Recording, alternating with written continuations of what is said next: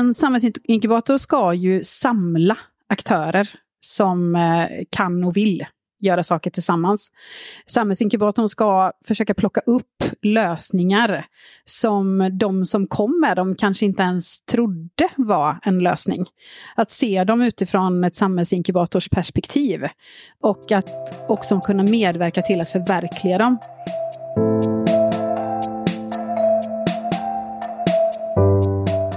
Du lyssnar på Engagemanget och det här avsnittet spelades in live inför en publik i, i samband med en avslutningskonferens för Goodlash som du kommer få höra mer om under samtalet.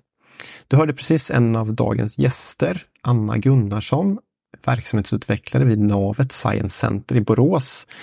Eh, och de har varit en av parterna i projektet som alltså haft till syfte att utveckla en samhällsinkubator. Och när jag först hörde begreppet var det nytt för mig och jag kände att jag var tvungen att förstå mer om det här. I det här avsnittet får du också höra Malin Lindberg som bland annat är gästprofessor i social innovation vid Malmö universitet och som jag har glädjen av att samarbeta med nästan dagligen. Så i det här samtalet försöker jag, Malin och Anna reda ut eh, varför vi behöver en samhällsinkubator. Hur ska vi se på samhällskontraktet? Vilken innovationskraft finns det i civilsamhället? Och dessutom kunde jag inte motstå att ställa frågan, har vi blivit ett sovande folk? För att höra mer om det och mycket mer så häng med till Borås vet jag. Håll till godo och hoppas att du ska gilla det.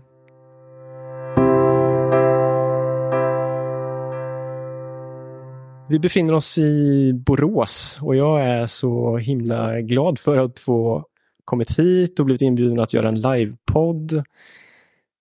Såklart tacka först för den inbjudan eh, här. Och Vi gör det här samtalet som en del av en konferens där eh, vi sätter social innovation i fokus. Ett, ett, ett, tema som har varit som en slags röd tråd i den här podcasten sedan tidigare. Om än inte så uttalat som nu kanske. Och Min tanke var att vi ska prata om det och kanske speciellt civilsamhällets sociala innovationskraft. Och ja, Vi får se hur det landar, men möjligtvis i, i förhållande till hållbar utveckling också. Och vad passar då bättre att jag har Malin Lindberg här som är professor i eh, genusteknik vid Luleå tekniska högskola och du är gästprofessor vid Malmö universitet eh, och och Eh, i social innovation då, ska jag säga, vid Malmö universitet. Och där jag har eh, förmånen att jobba tillsammans med dig. Välkommen hit. Tack så mycket. Och jag ska säga det också, att eh, grattis tror jag att jag ska säga, för du hade ju precis din installationsföreläsning på Malmö universitet bara två dagar sedan. Supernervöst. Ja, det gjorde du jättebra, så grattis till det. Sen har jag också med mig Anna Gunnarsson du är verksamhetsutvecklare vid Navet Science Center här i Borås. Det stämmer va? Det stämmer. Och ni har ju bland annat jobbat med ett projekt som heter Goodlash. Så, och där ska vi komma tillbaka till det här projektet och vad det är och, och så vidare. Men till att börja med, varmt välkommen till dig också Anna. Tack så mycket. Ja. Så, men för att dra igång eh, samtalet så, så tänkte jag inleda med en reflektion och jag skrev i mina egna anteckningar här att den kanske är provocerande, men det vet jag inte hur provocerande den är, men vi, vi testar i alla fall. Och Jag menar att många eh, av oss i all stress med att hinna med vad som är viktigt varje dag eh, tappar bort varför vi gör det vi gör.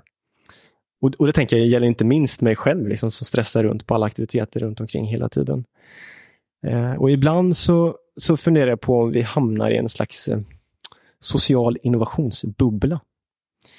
Där vi som är invigda kan bekräfta varandra, klappa varandra på axeln och säga att vi är duktiga, men där vi ibland är lite slarviga med dels att förklara vad vi menar med social innovation och att vi missar ibland att koppla samman olika nivåer, det vill säga så att att vi pratar om något istället för med något eller någon. Så här. Att eh, det finns ett glapp mellan eh, gräsrötter och eh, strateger, forskare kanske också. Vad, vad, vad, tänker ni om det? Den spaningen. Jag börjar med dig, Anna. Nej, jag tänker att du har rätt i din spaning på säkert en massa olika sätt. Men det jag tänker på direkt utifrån den verkligheten jag finns i, så handlar det väldigt mycket om unga. Eh, för att som du säger, det finns ju mycket bubblor för oss som är invigda på olika sätt. Eh, och vi är kanske också bra på att prata mer om än med. Och det är en utmaning i sig. Och att då, utifrån en verksamhet som min som, som vänder sig främst till barn och unga, så är det ju en självklar del att vi måste kommunicera direkt med unga människor. Sen är det ju en utmaning i sig, eftersom eh, om vi utgår från de systemen som vi har skapade mest för vuxna och eh, insatta, då bjuder vi ju liksom inte in naturligt där heller, utan vi måste liksom se till att tänka på hur vi gör kommunikationen för att vara inbjudande. Annars är det nog väldigt lätt att sätta upp eh, åtminstone lite halvosynliga dörrar som eh, inte leder någonstans direkt. Mm. det var inte meningen att jag skulle få en respons på om det var rätt eller fel det jag sa. Men eh, vad tänker du Malin? Ligger det någonting i den, i den här spaningen eller har du ett annat perspektiv du vill ge på det? Ja, men jag tänker att jag som forskare passar på att ge ett annat perspektiv helt enkelt. eh, att förändra terrängen. Nej, men jag, var, jag var inne på det tidigare idag också, det här med att, att social innovation är något som hela tiden förekommer i samhället. Så har gjort det under lång tid, så länge, troligen så länge människan har funnits. Eh, så att just det här att det pågår ständigt runt omkring oss. Och att ha ett begrepp och liksom aktörer som jobbar för att stötta det, det ser jag mer som att det, det är lika mycket är för att eh, faktiskt erkänna att det finns. Och för att det är värt att eh, uppmärksamma och för att det är värt. Så att jag tycker att, att på ett sätt är det svårt att prata om en bubbla då det handlar just om det som händer. Sen är det ju alltid liksom ja, men som du säger, att ta in olika nivåer. Direkt man befinner sig i högskolevärlden och i en akademi så har man ju såklart vissa sammanhang som man rör sig i och liknande. Och det är ju därför det är på tapeten nu att skapa med samskapande arenor och co-creation där forskare är med i samhällsutvecklingen tillsammans med olika samhällsaktörer. Sen finns det ju alltid ett maktperspektiv i det här, vem bjuder in? Och vem bjuder in vem så att säga och till vilka arenor? Att är det alltid så att till exempel då akademin som ofta har mm. status och resurser och hus, byggnader, liksom bjuder in då, ja, men till exempel unga, eh, som vi också hörde tidigare, liksom bara att bli kategoriserad som ung, att det är därför du blir inbjuden som ung, liksom, kan ju kännas lite som att bli klappad på huvudet, liksom, istället för att jag är väl också människa. Då säger jag, mm. varför kan inte jag bara involveras på samma premisser som andra? Mm. Så, ja. Vi, jag insåg när jag gjorde lite research inför det här eh, att eh, kolla på lite olika föreläsningar som du har gjort Malin mm. på nätet som är väldigt eh, bra. Du skrattar nu men de, ja, men det är så de är pinsamt. Jättebra. Jag tänkte all, alla blunders man har sagt har du koll på nu? Nej det har jag verkligen inte. Jag tyckte inte du gjorde några blunders. Men jag insåg en sak att en fråga som jag tänkte ställa nu men som jag ändå måste ställa på något sätt. Den har du fått ganska många gånger och kanske är rätt trött på. Men om man helt kort kan säga vad social innovation är du har fått den frågan tusen gånger, helt säker på. Men bara för kontextens skull den som lyssnar, vad, hur, hur, hur förklarar vi det egentligen? Ja, men precis. Ett väldigt enkelt sätt att förklara social innovation är ju att det helt enkelt handlar om nytänkande lösningar på olika samhällsutmaningar. Och att eh, det kännetecknas av sociala mål och medel, att det främsta syftet är att förändra samhället på något sätt. Och ehm, eh, att det främsta medlet är just kollektiva processer, att man gör det här tillsammans mellan olika grupper. Och sen kan det ta sig väldigt olika uttryck. Liksom det kan ju vara allt från ett lokalt initiativ där mm, byainvånare går samman för att säkerställa lokal service, lokala servicepunkter till exempel, till mer så att säga, nationella initiativ för att säkerställa, ja men, så nu med, har ju Rädda Barnen och ett flertal civilsamhällets organisationer gått samman för att eh, inga barn ska lämna grundskolan utan fullständiga betyg till exempel. Att ha en sån mission att jobba för, det är ju väldigt social innovation på en systemnivå. Just det, precis. Vi kommer tillbaka till social innovation på många olika sätt där i samtalet, eh, tror jag. Men eh, ja, när vi sitter här i Borås så då har, har vi varit med om en förmiddag där vi pratat om projektet Goodlash. Eh, Anna, mm.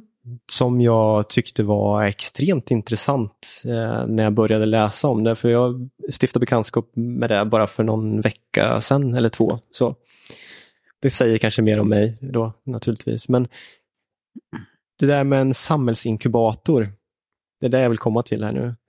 Mm. Det, det begreppet var nytt för mig. Spännande och eh, det touchar liksom på det Malin säger om eh, mötesplatser, hur vi skapar de mötesplatserna och min första spaning kring hur skapar vi mötesplatser mellan vad jag kallar gräsrötter, praktiker och strateger, forskare och så vidare. Hur ser, eh, ja men till att börja med, hur ser hisspitchen för Goodlash ut? Om vi ska börja i den änden. Ja, den kan nog bli ganska lång, men jag ska försöka hålla den kort. Alltså det vi försöker göra i projektet är ju att etablera en samhällsinkubator, alltså någon slags struktur för samverkan där social innovationskraft får ta plats. Det är väl egentligen det som är hisspitchen. Eh, och dess tvärsektoriell samverkan är en förutsättning. Alltså, vi kan inte göra det själva.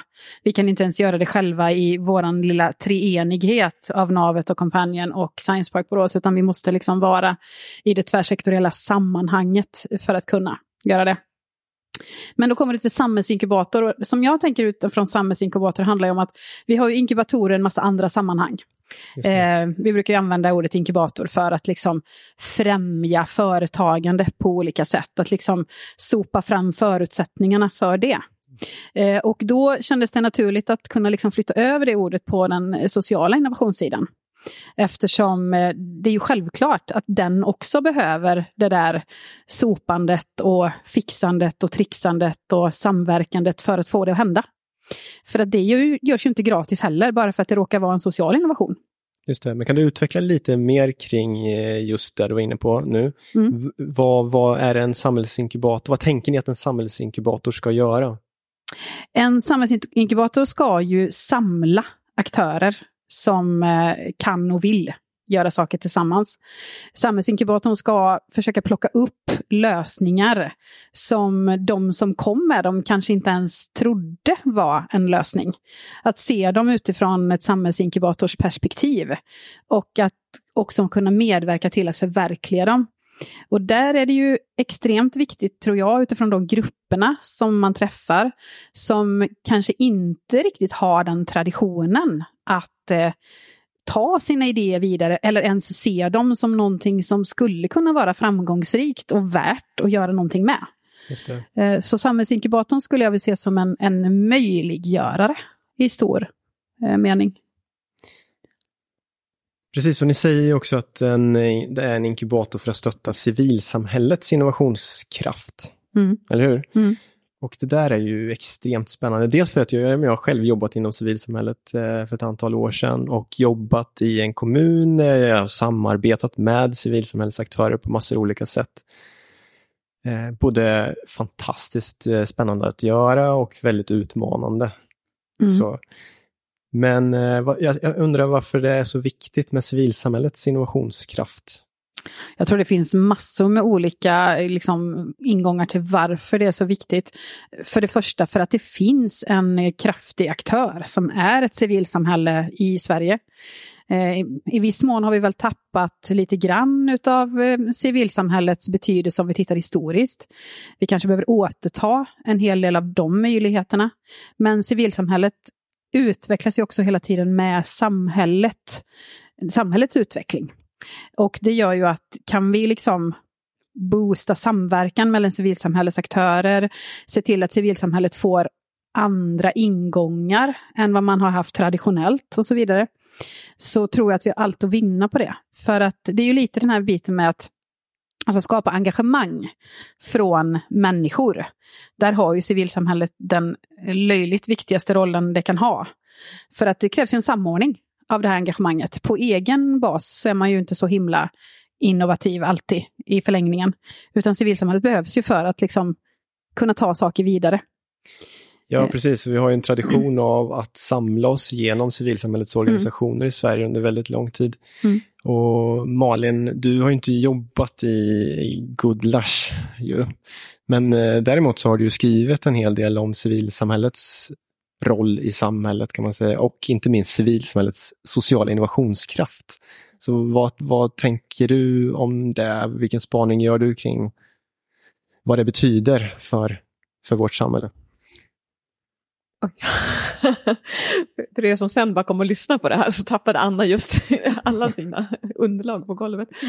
Eh, men för att svara på din fråga så blev jag för det första väldigt glad när jag eh, fick kännedom om Goodlash. Det är ju en väldigt vad ska jag säga, viktig expansion av, av det säga, traditionella stödsystemet som ofta fokuserar på idébärare och innovationer i ett visst format, ofta tekniska innovationer, kommersiella innovationer och det ska eh, nyttiggöras genom ett aktiebolag till exempel. Mm. Och det var därför jag började intressera mig just för innovation i civilsamhället. Dels var det så otroligt få innovationsforskare som ens hade intresserat sig för civilsamhället, vilket jag tycker är jättemärkligt, för som eh, båda ni är inne på så är ju liksom, det finns ju en enorm eh, dels innovationskraft i civilsamhället just för att man jobbar just med att uppfylla eh, och eh, identifiera sociala eh, behov, men också att man har vi, bevisligen under historiens gång varit väldigt innovativ. Ehm, så att jag tycker det är jättespännande att undersöka vilka former kan vi stötta innovationsprocesser i, i flera olika samhällssektorer, i flera olika innovationsformer, flera olika konstellationer. Så det tycker jag Goodlash är ett väldigt spännande exempel på. Mm, nej, men jag håller verkligen med. Och med, med tanke på det där du sa nu att eh, civilsamhället har eh, traditionellt haft väldigt mycket innovationer. När jag, när jag eh, sökte på det så finns det en organisation som heter Forum vad heter det mer nu igen, Malin? Forum för ah, Forum. Och de har en lista på eh, innovationer i kan man säga, välfärdssamhället som har kommit på något sätt från civilsamhället. Och det var sånt som vi inte tänker på så ofta. Ambulans, apotek, eh, studiemedel. Nu sitter vi här på högskolan, så det är lämpligt att säga. Det finns massor sådana exempel till. Mm. Men just intentionerna i Goodlash är ju någonting som verkligen eh, tilltalar mig också. Jag tror, inte, jag tror att ni förstått det vid det här laget. Eh, jag, jag, tänker att det, det, det, kretsar väldigt mycket kring det här med medborgardriven samhällsutveckling. Om man tar ner det lite mer och pratar klarspråk så handlar det om delaktighet eller om man vill så tycker jag det handlar om demokrati. Eh, faktiskt. Och jag tänkte testa en tanke med er nu här. Ehm, jag har ju själv jobbat med frågor som handlar om stadsutveckling och demokrati på olika sätt eh, under åren. Och Det är inte alltid så himla enkelt att få människor att komma när man bjuder. Det räcker inte med att bjuda in. Och det har jag funderat över mycket vad det handlar om. Min tanke som jag vill testa med er här är om vi till viss del har blivit ett sovande folk. Eh, och, och, och med det menar jag så här att vår modell, vår välfärdsmodell har tjänat oss jättebra. Vi har fått allting där vi ser runt oss och alla, all, allting inom välfärden.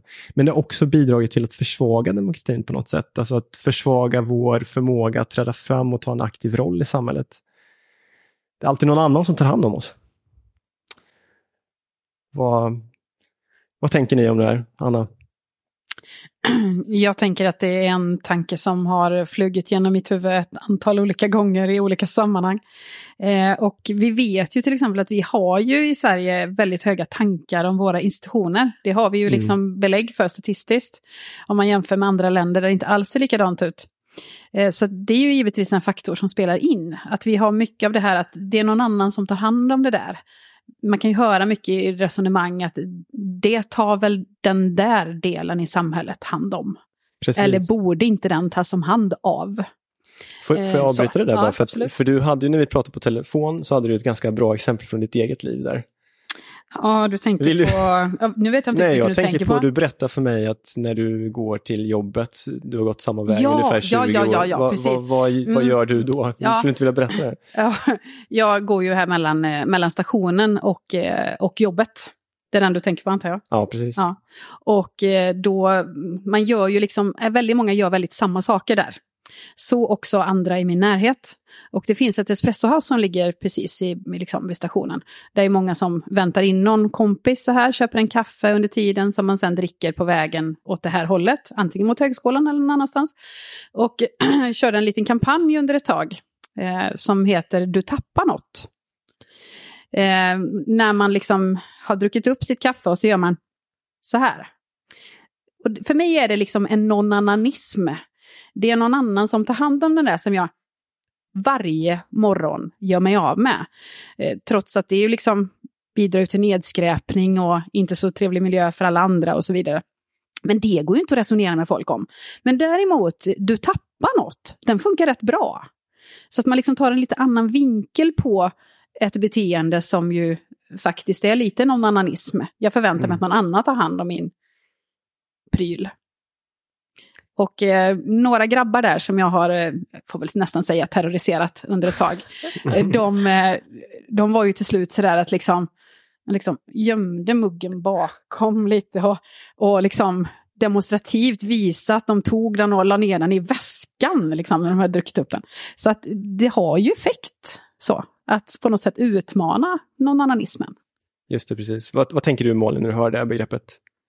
Någon annanismen? Ja, precis. Har du hört det förut? Ja. Nej, men jag, jag, jag som forskare kan ju passa på att uppmärksamma att det finns en hel del forskning, del, dels av hur, hur välfärdsstaten har vuxit fram och hur, hur det skiljer sig från eh, andra länder till exempel, att det är ju det är inte så att det här är ett system som finns över hela världen. Alltså, välfärd finns på ett eller annat sätt i olika grad och olika former. Men just hur vi har byggt upp det i Sverige och då finns det ju en hel del forskning som säger det här med att vi har en, någon sorts kollektiv individualism.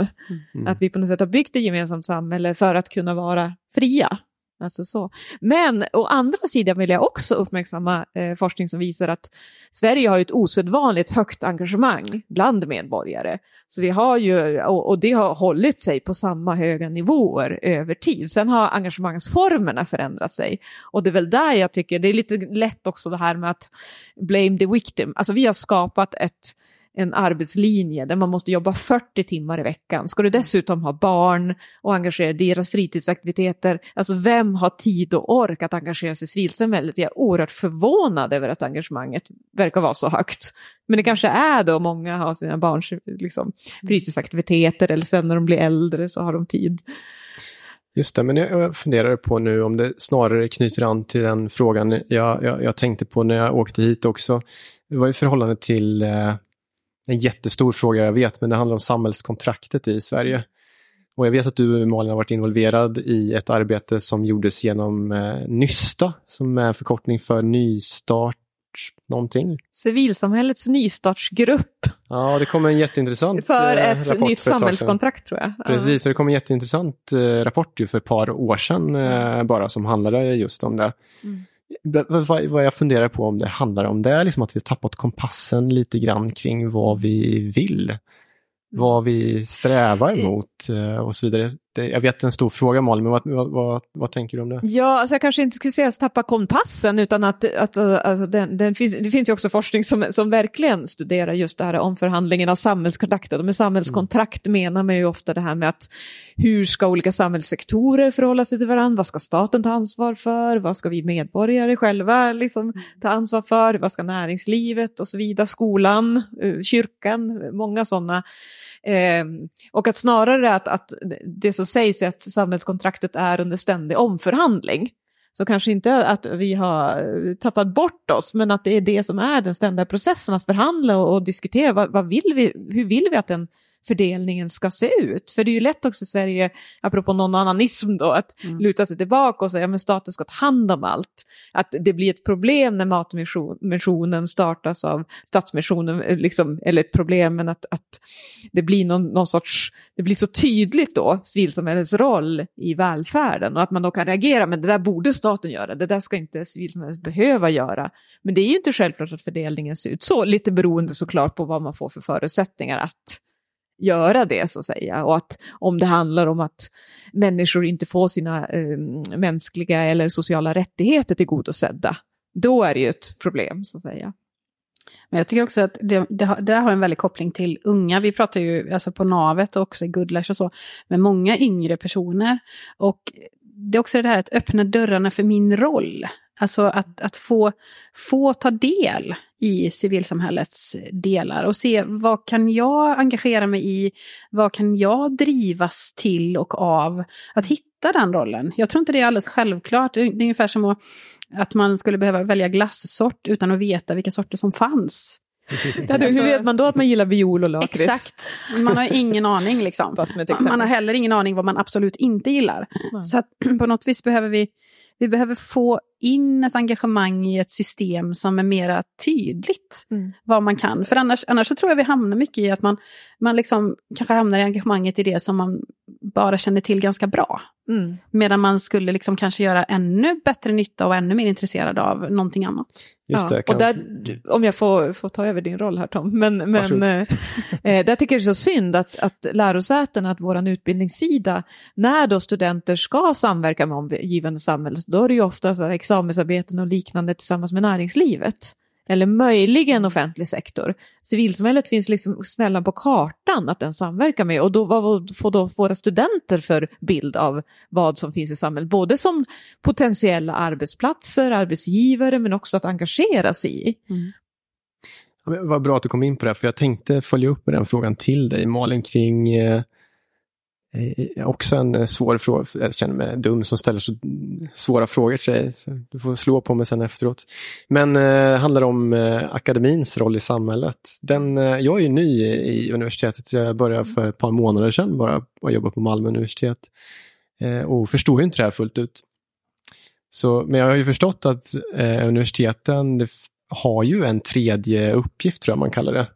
Skulle, skulle du, du vilja sätta dina ord på vad det är för någonting? För jag tänker att det hör ihop med det du precis pratade om. Mm. Ja, jag behöver knappt ens sätta mina ord, utan det är ju lag, lagstadgat att Sveriges lärosäten ska eh, arbeta med forskning, utbildning och samverkan. Så nu för tiden heter det samverkansuppgiften, inte mm. tredje uppgiften. För det tredje blir som att det blir, jag har den tredje vid sidan ja, av de andra, utan nu har man verkligen kallat det för samverkansuppgiften.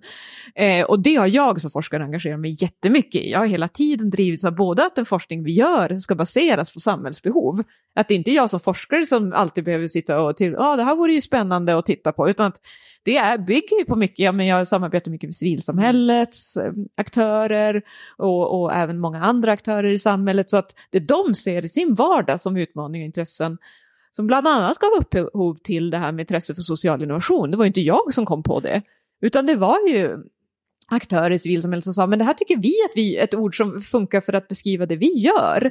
Varför finns det ingen forskning om det? Jag bara, ja det är ju väldigt liksom eh, konstigt så att säga. Hur bra är vi på det då, vi, universiteten, mm. på att uh, utföra den här uppgiften?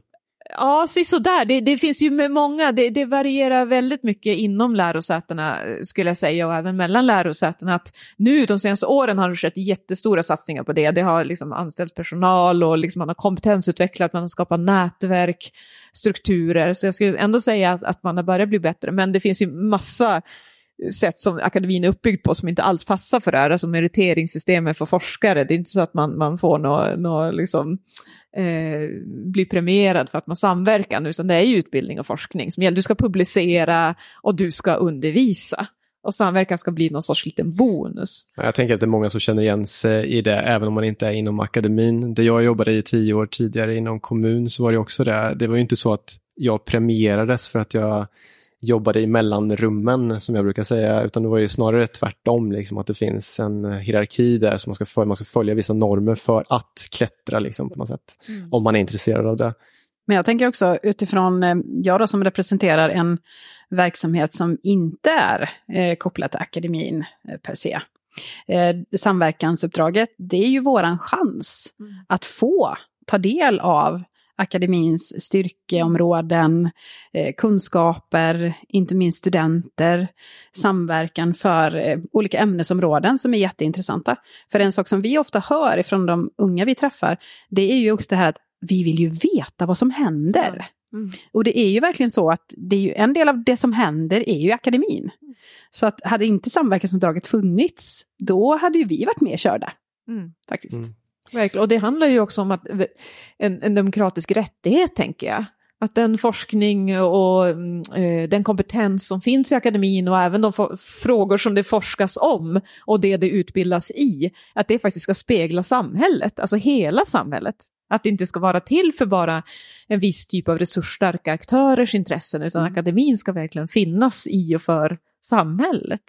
Mm. Jag tänkte vi skulle börja röra oss mot att avrunda så smått här, men jag har en fundering eh, jag sa ju tidigare att jag gillar verkligen när begreppet samhällsinkubator. Nu fick vi en fråga här som handlade om att vi kanske bör hitta ett annat vokabulär, alltså andra ord för det vi gör, som inte är lånat, ja, nu vet jag, det blir så, lånat ifrån en annan sektor liksom.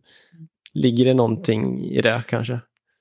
Jag tror att det är både och, lite grann som du var inne på innan. Ehm, för att samtidigt finns det lite av en magi i att ta ett ord från en annan sektor och vrida det. Mm. Bara för att det ger, också, det ger en uppmärksamhet i ena änden, men det ger också liksom, på något sätt automatiskt nya perspektiv på ett begrepp. Sen är det klart, för, för förståelsens skull så måste man ju samtidigt definiera vad menar man då med det. det. nya uttrycket. Och det är ju, det är ju liksom ett jätte... Liksom, det är ett kommunikationsuppdrag som vi måste ta oss an. Men, eh, men jag tror att svaret på det är nog både, både framsida och baksida, ja och nej, på en gång. Mm. Man kanske har en bild framför sig vad ja. en inkubator är och hur Precis. en inkubator funkar och så här. Sen ja. tänker jag en samhällsinkubator kanske inte funkar exakt så som en företagsinkubator. Nej, det ska det ju inte göra. Eh, men däremot så är det ju spännande just med orden så att säga, för går man verkligen in och tittar på ordet inkubator så är det ju inte någonting som per definition exakt handlar om företagande. Nej, just det. Hur eh, definierar ni det då? Ja, alltså vi, vi definierar det utifrån att det är en möjliggörare. Okay. Eh, en dörröppnare. En, en, vad ska vi kalla det? En plattform för att göra. Mm, fint. Och jag tänker också att det är så intressant att många av de här begreppen som nu är etablerade i det traditionella innovationsfrämjarsystemet som inkubator och science park liknande. Många av det är ju egentligen ord som i sin tur har hämtats från natur och biologi. Så att där har de ju också på något sätt lånat in i det här. Och labb är ju också sådana här med, liksom, från laboratorier och nu har vi, ja. Jag tänker att det vi har pratat om handlar väldigt mycket om hur vi ska hitta former för att samarbeta Alltså att, och, och, och, i mitt huvud så låter det, jag kanske är lite naiv i det där, men det låter ju logiskt liksom att vi ska samarbeta kring sånt som vi har i vårt samhälle att hantera på något sätt och jobba med, till exempel som barnfattigdom, klimatpåverkan, eh, hemlöshet och så vidare. Varför skulle vi inte samarbeta kring det? Men jag, jag skulle vilja höra avslutningsvis era röster kring vad vi skulle behöva göra mer av då för att, för, för att kunna få en sån bättre bättre samarbeten kring gemensamma samhällsutmaningar, om man uttrycker det så. Om du vill börja, Anna. Mm, det är en väldigt stor fråga känner jag först. Men, eh, men lite grann som, vi har ju alltid resonerat ända sedan globala målen kom och Agenda 2030, att eh, där finns ju så otroligt stora utmaningar. Eh, och de kan ibland vara svåra att få ner på konkret nivå för den lilla medborgaren och så vidare. Men genom att liksom jobba med delmålen och fundera över vad de betyder för, för oss, eh, inte minst inom de sociala delarna av, de håll, av hållbarhetsmålen, så kan vi liksom ändå få ner, vad är det här vi behöver jobba för inom hållbar utveckling? Och eh, klimatfrågan är jättestor, såklart. Eh, biologisk mångfaldsfrågan är jättestor. Men det räcker inte, utan för att kunna jobba med de jättestora frågorna så behöver vi också alla de sociala hållbarhetsfrågorna och jobba med social innovation för att kunna förverkliga detta. Så att mm, jag, jag hamnar nog i hållbarhetsperspektivet jättemycket. För att för förverkligandet, att det ens ska vara möjligt, så måste vi landa inom det här området. Mm. Vad är din take på det här, Malin? Ja, men precis. Alltså, att klura på, på, på, vad jag skulle kunna bidra. Nej, men jag, jag tänker att en sak eh, som jag tycker är så viktig i social innovation, det är ju att vrida och vända på perspektiven. Att vara uppmärksam med en som en samhällsutmaning. Där tycker jag också att det pågår en sorts förhandling eller liksom ständig kamp om vad är det vi uppmärksammar. Som, mm, vi har ju pratat en hel del om Stadsmissionen idag som har länge kämpat för det här med, med matfattigdom, att uppmärksamma det till exempel som en utmaning. För man tänker, då i Sverige, alla kan väl äta sig mätta. Vad är liksom, och att förstå att matfattigdom och även nu hemlöshet att komplettera. Det är inte bara liksom den som man tänker stereotypa kategorin av hemlösa som är på parkbänkar, utan det finns en väldigt, väldigt stor växande grupp av, av strukturellt hemlösa. Att vi har byggt en bostadsmarknad där eh, alltså det är en elit som lyckas liksom, få ett bra boende och ta sig in på det. Så att man behöver inte liksom vara hemlös i, i den traditionella bemärkelsen, även om den gruppen också eh, såklart fortfarande är viktig att uppmärksamma. Det var kanske fel att avsluta med den frågan eh, och det kanske är anledningen till att göra ett nytt avsnitt kring just den, eh, den delen där. Det tror jag. Men jag och vi har bara skrapat på ytan av många av de här sakerna vi eh, har haft med i samtalet. Jag vill tacka så ödmjukt för att jag fick prata med er här idag. Tack för er som har stått och lyssnat här i Borås, vid Borås bibliotek, universitetsbiblioteket. Och i den som lyssnar hoppas jag fått med sig några nya perspektiv, nya frågeställningar kanske för sig själv. Tack för samtalet, Malin, Anna. Tack själv. Tack till er.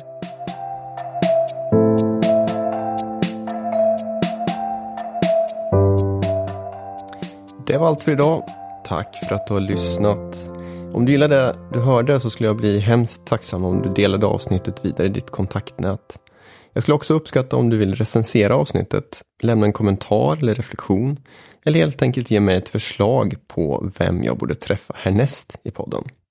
Numera hittar du även engagemanget på Instagram där jag kommer att göra löpande uppdateringar om podden. Så håll utkik där. Allt gott och ta hand om dig.